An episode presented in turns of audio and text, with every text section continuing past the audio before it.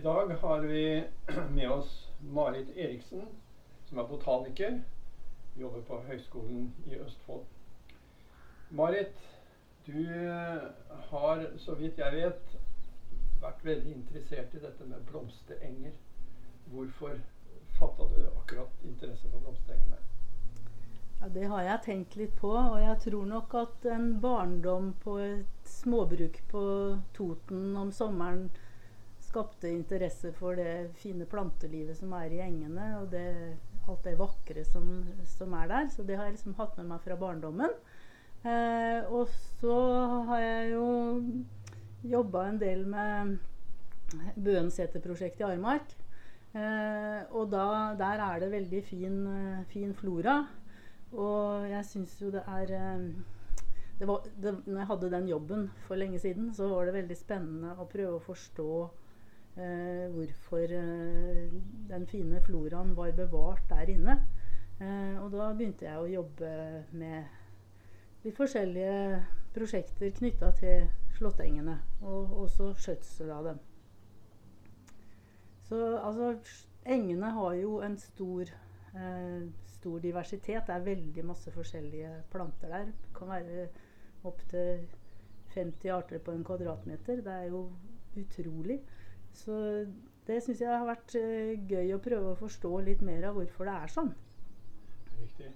Eh, når du jobba med Bøenseteret, så var vel noe av målet var vel kanskje å prøve å bevare disse engene. Og hva, hva er viktig når man skal ta vare på en, en sånn blomstereng?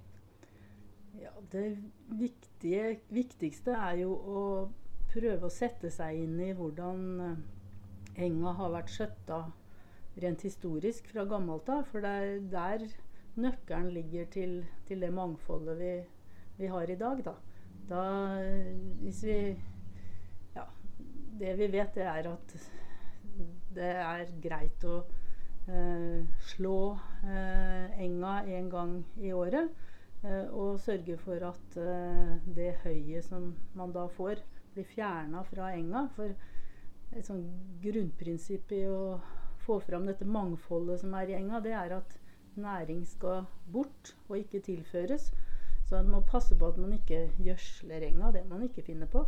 Men eh, rett og slett å, å slå, og gjerne rake litt om våren, så du får små flekker hvor nye frøplanter kan uh, kan uh, finne litt åpen jord og etablere seg.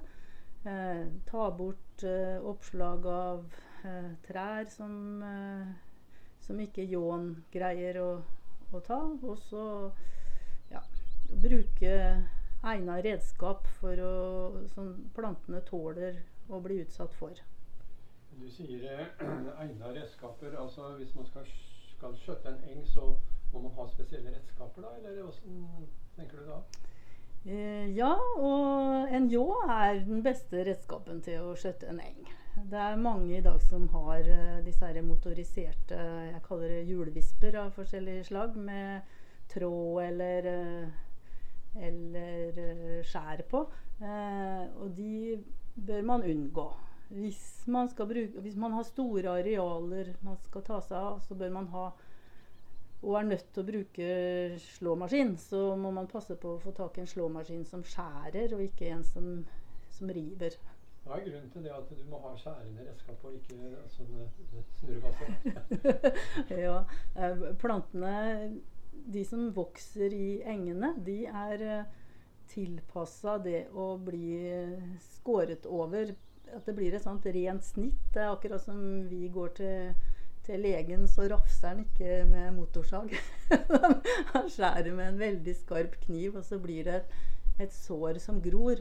Det, sånn er det jo med plantene òg. Og de har jo tilpassa det å, å bli kutta av og komme med nye sideskudd og nye blomster. Og eh, så har de veldig stor del av av eh, plantematerialet sitt helt nede ved bakken. Så når du slår, så er det ofte sånn at du bare slår den øvre delen. Du, du nevnte et begrep for meg tidligere her eh, om at eng er åkers moder.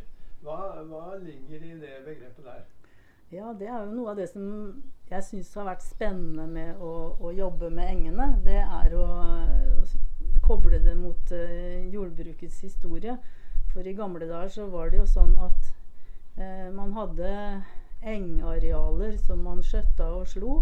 Og den mengden høy som bonden greide å, å sanke fra enga, og også fra trær hvor man uh, styva ham, eller hamla. Eh, det var utgangspunktet for hvor mange dyr han kunne ha på båsen gjennom vinteren. Eh, og når eh, dyra sto på båsen gjennom vinteren, så produserte de gjødsel. Og den gjødsla, hvor stor gjødselmengde han hadde, bestemte hvor stort åkerareal han kunne ha. I riktig gamle dager så var det jo korn og kanskje noen rotfrukter det var snakk om. Etter hvert så kom poteta, og da var gjødselmengden bestemmende hvor mye, mye, mat bonden kunne produsere, og hvor mange mennesker som kunne livnære seg på plassen. Akkurat. Men jeg tenker også på eh, altså når jeg var liten, da jeg begynner å bli gammel mann her og Da jeg var liten, så syntes jeg det var flere sånne blomsterenger enn det er nå. Er det riktig? Ja, arealbruken vår har jo endra seg veldig. Sånn at uh, det, er, det, blir gjødsla uh, mye i jordbrukslandskapet. Det blir sprøyta. Uh, en del arealer blir bygd ned. Det blir bygd hus på en del av disse her områdene hvor det før var blomsterenger. Det kommer mye nitrogengjødsel fra fra lufta, rett og slett. Ved at det blir nitrogenoksid som regner ned på, på arealene og gjødsler dem. Og da kommer det inn andre arter enn de gamle blomsterengartene. Eh, og det, det, har jo noe med hvordan vi forvalter landskapet rundt oss. Hva som vokser og gror der. Og så er det jo sånn at det, er, det blir liksom små flekker som blir veldig sårbare etter hvert. altså før så var det mer sammenheng mellom arealer av stor verdi.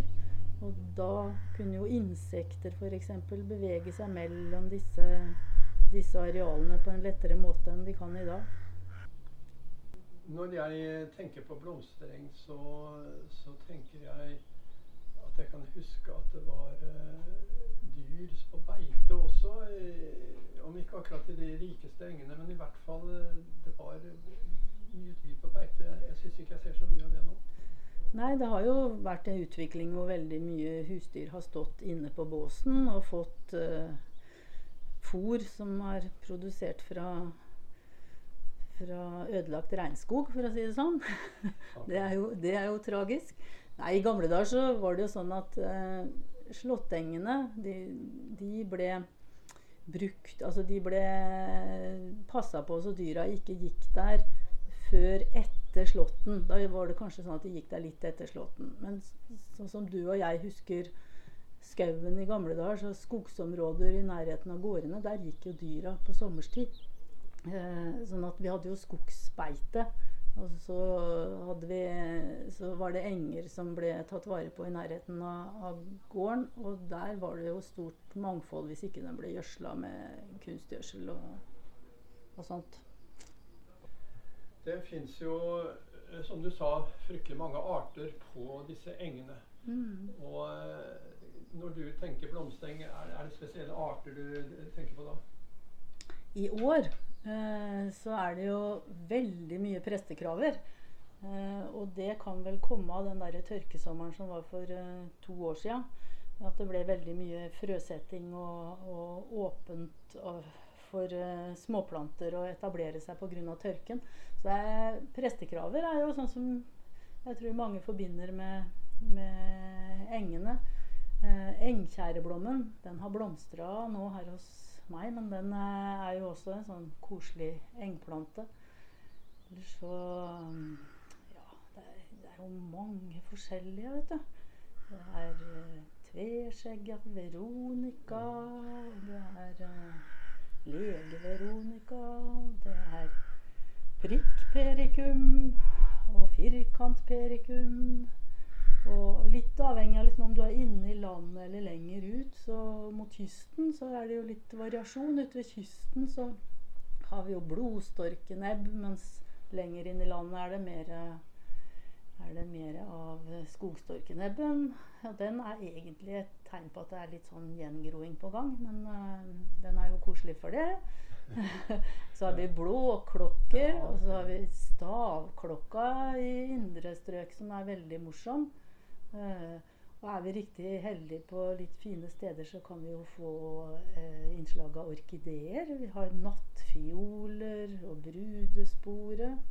Veldig koselige planter å finne. Og det er noen som har liksom sport å plukke nattfioler. Det syns jeg ikke de skal gjøre, for det er ikke så mye, mye av dem. dem så dem syns jeg vi skal la stå i fred. jeg er veldig enig med det. Mm. Jeg tenker vel disse orkideene de er jo ikke akkurat uh, veldig vanlige her i Østfold. Men du nevnte jo et par stykker her. Ja. Eh, hvor enn i Østfold er det man kan finne sånne? Er det på Hvaler stort sett, eller er det, går an innover i landet? Nei, du finner langs Haldenvassdraget og sikkert i Rakkestad-området og, og, rundt omkring. Jeg tror det er mange steder i Østfold du kan finne, finne både nattfioler og, og brudespore. Men det, er, det, er, ikke sånn du går på hele tida. Men det er, det er, veldig morsomt å finne, og da er det jo gjerne rester i det gamle jordbrukslandskapet. Mm. Eh, jeg kan huske at når jeg var liten, så, så hadde vi liksom navn på disse blomstene. Jeg hadde ikke noen foreldre som var botanikere, og eh, jeg hadde ikke tilgang på noen botanisk litteratur. Men vi lærte liksom eh, navn på en del blomster likevel. Kan, kan, du si noe om disse her eh, gamle navnene? Jeg husker det var planter som heter kniv, skje og gaffel. Ja, det navnet brukte vi òg. Og det var knoll erteknapp. Ja. Erteblomstene har vi ikke sagt noe særlig om, men de er jo spesielle med at de henter nitrogen fra fra lufta. Sånn de, og de tåler veldig godt tørke, har jeg lagt merke til. Så de er, det er jo mange forskjellige erteplanter som vokser i enga. Det er eh, rødkløver og, og så har vi eh, halsikkekløver, tror jeg, og du kan finne kanskje ikke så vanlig i engene. men eh, så har du rundskolm og tiriltunge og fuglevikke og mange forskjellige erteplanter. Så det er morsomme. Ja. ja. Mm. Eh, navnet melkebøtte forbinder du med det? Ja. Nyresildre. Ja. ja. ikke sant? Det, det sa vi òg. Jeg vokste opp i samme byen, ja, Roy. ja. Så, er, så, det er sånne lokalnavn. Altså, jeg, jeg eh, var i Finnmark, og der eh, snakka de om kaffeblomst. Ja, hva var det for noe? Ja, hva var det for noe, Eva? Det var den der skrubbær. Ja, ja, ja. ja, ja, ja, ja, ja. Nei, altså, det, så sånne lokalnavn det, det, tror jeg finner eh, over hele landet, som kanskje kan være litt forskjellig. Så det var kanskje lurt at vi fikk en sånn felles uh, navnebetegnelse for plantene. Jo da, det er greit det, men samtidig så om det blir laga litt sånn lokale navn. Så det viktigste med navn på planter er jo at de kommuniserer godt. Så hvis vi har en, en felles forståelse av hva det, hva det, ligger i det navnet, så er jo det det viktigste. Men det er klart for de som jobber med å få oversikt over plantelivet og legge inn observasjoner i Arts Obs og sånt noe, så, så, er det viktig å, å ha riktige navn. Ja. Ja. Eh, kan du si noe om, eh, om plantene har vært eh, brukt til noe før, som kanskje ikke bruker nå lenger?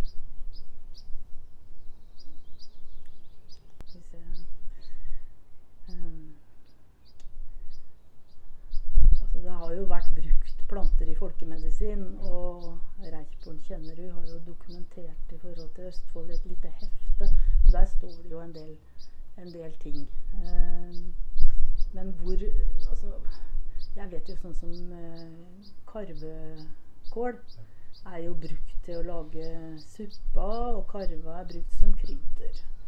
Og perikum er brukt Altså i, i, folkemedisin så er det jo dokumentert en del ting, men hvor mye liksom folk på bygda har brukt eh, planter inn i vår tid, det tror jeg ikke har vært så veldig mye.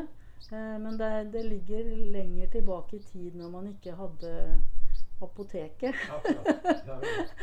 Så det er jo en god del det er jo en god del kunnskap som på en måte går tapt blant folk flest, men som ligger dokumentert i Ovarbo høgstorearbeider og i, og i en del sånn lokal litteratur. Så det er jo det, det, ligger en del ting der som en kan, kan få ideer. Mm. Ja. Jeg, eh, vi snakka litt i stad om også, eh, å prøve å kanskje lage en blomstereng. da. Eh. Så jeg har liksom prøvd meg litt sjøl, da. Ja. Jeg, har, jeg, har, en sånn eh, tørrbakke hjemme. Det er jo rett på Gneisen, kan du si. Og der vokste det røsling. Ja. Så tok jeg den bort, og så har jeg satt inn mager jord og sand og litt kalk og sånn. Mm. Og eh, nå, etter eh, en del år, så, så har jeg faktisk en, en ganske mm. fin sånn, sånn blomstereng. Men der, der, tok jeg altså utgangspunkt i, i rett fra fjellet. Eh, men eh, hvis man har mer jord, da er det kanskje ikke så greit? Det spørs jo hva slags jord du har. Hvis det har vært uh, gjødsla veldig mye der, så tror jeg det er veldig vanskelig å få bort så mye næring at de blomsterengplantene greier å konkurrere med planter som lett uh, omsetter næring, da, sånn som uh, brennesle og hundekjeks og bringebær og sånn. Mm. men hvis, hvis, det er fattig, fattig jord, sånn som du har fått til hjemme hos deg, så, så er det absolutt håp. Eh, og det går jo an å Jeg vet eh, Det er gjort forsøk med å liksom fjerne øverste delen av, eh, av jordsmonnet, og så eventuelt tilføre noe som er mer fattig, og så, og så prøve å legge på f.eks. Eh, litt sånn høy fra ei gammel løe for å få tak i gamle frø som ikke har eh, Som ikke har planter i Eller arten ikke har planter i nærheten og sånn. går an. Eller så går det an å hente frø fra, fra områder, områder med stor diversitet, da. Så det, det, det, går an, men det, det, liksom, det, viktige er å ikke ha for mye næring. For da, da kommer disse her eh, mer kjekke plantene som eh, greier å bruke den næringa, de utkonkurrerer de som greier seg der hvor det er veldig fattig. Da. Eh, ja. Ja. Det er kanskje litt overraskende for mange det at de tenker at det, for å få til planter, da trenger man gjødsel. Ja. Liksom man, jeg tror det er mange som har gått ja. fem på der og så tenkt at å, nå skal jeg lage god, gode forhold for, uh, for, blomstene, så nå skal jeg gjødsle godt. Men det, det, det må du ikke finne på. Nei. Så en annen ting er hvis en har um, et område hvor en har lyst til å ha eng. Og hvis det er mye oppslag av osp og bjørk og løvtrær der, så er det en naturlig ting å prøve å fjerne det, da.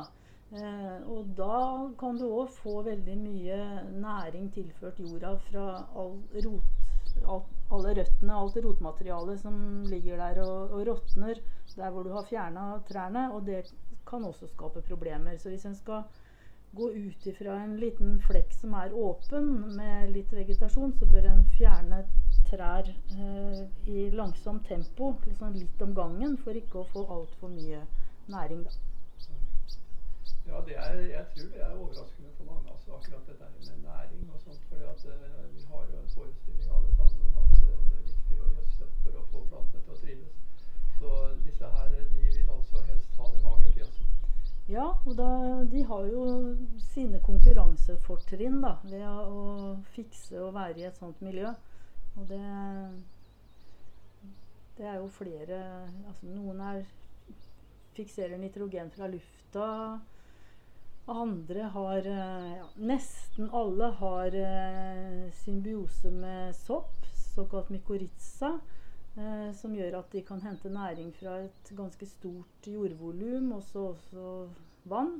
Eh, og det er jo noe av det som har motivert meg for å jobbe med disse engene, er å prøve å forstå litt mer av det. Det er på en måte et sånt internett nedi, i, jorda med eh, sopphyfer som binder planter sammen. Og i sopphyfene så kan det gå vann og næring eh, to veier.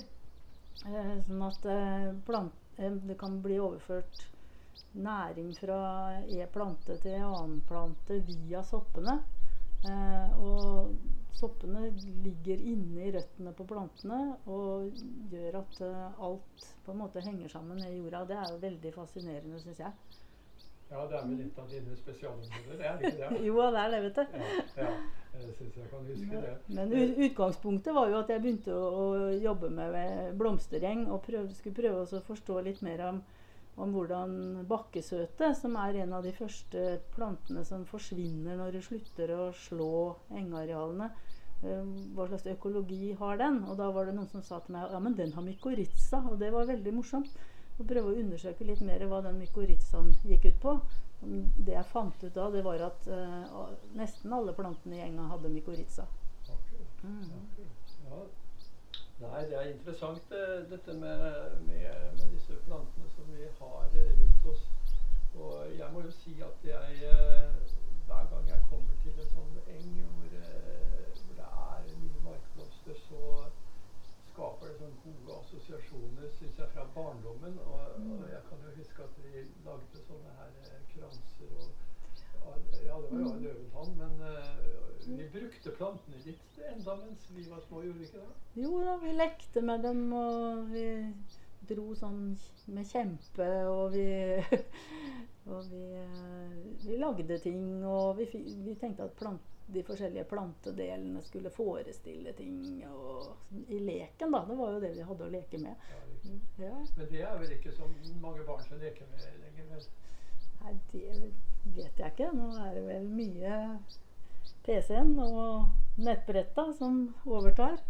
Ja. Ja, det, det, er, det nesten sånn eh, kulturminne som er i ferd med å, å bli borte, dette her med barns lek eh, med, med planter. Ja, nei, det er jo barnehage og, og skole som på en måte må ta vare på den kulturarven det er, da. Og, og foreldre har jo òg muligheter til å følge opp der hvis man vil. Jeg, Mhm. jeg tenker at eh, det med artskunnskap, altså det å kjenne igjen eh, planter når du ser dem, er det noe som du føler er med på å berike turen i enga? Ja, jeg, altså Jeg syns det er viktig at vi har litt kunnskap Eller har mye kunnskap om, eh, om plantelivet. For, for at plantene er jo på en måte livsgrunnlaget vårt. Og det å liksom ha litt oversikt over planter og plantefamilier, det skulle jo være en selvfølge, tenker jeg. Uh, og jeg syns at uh, uh, Altså det, det å knytte plantenavn og planter og til gjerne til hva planter har vært brukt til, hva planter har vært, hatt betydning for mennesker opp gjennom tidene. Det, det er en del av historia vår. Og uten plantene så, så dør vi. Så det er jo litt skammelig hvis ikke vi, vi har god kunnskap om, om det som er basis for uh, menneskelig eksistens. Det har jo vært veldig mye snakk i det seinere om, eh, om humler og bier og, og sånne ting. Eh, og når det gjelder disse ville blomstene våre, så, så har, har vel de også en, en, en, rolle, en viktig rolle for insektene. Si noe om det? Ja, det er jo gjort undersøkelser av f.eks. gullris, altså hvor det viser seg at om det er borti en 30 sommerfugler eller noe sånt noe som har en tilknytning til den planta. Og da kan det være både at den har larvestadier som eh, spiser på rota, rothalsen, stengel, blader, blomster. Altså forskjellige deler av planta har betydning for forskjellige arter. Eh, jo, hvis eh, disse artene i blomsterenga blir borte, så medfører jo det at, at, eh, at insektene mister eh, næringsgrunnlaget sitt, og de blir borte også. Og så er det jo sånn at eh, det er jo vist spesielt i forbindelse med humler at eh, det skal ikke være altfor langt imellom de forskjellige flekkene hvor humla kan finne næring i kulturlandskapet, da, så bør det være liksom, korridorer som, som insektene kan følge for at uh, vi skal få genetisk variasjon i populasjonen. At de skal kunne krysse seg med hverandre. Vi har, vi har, vært innom dette med blomsterenger og at de, de, skal være magre for at det, disse villblomstene skal trives. Men uh, det er jo noen arter som uh, gjerne vil ha litt spesielle bunnforhold, for å si det sånn, for at de skal trives. Kan du si, si noe om det?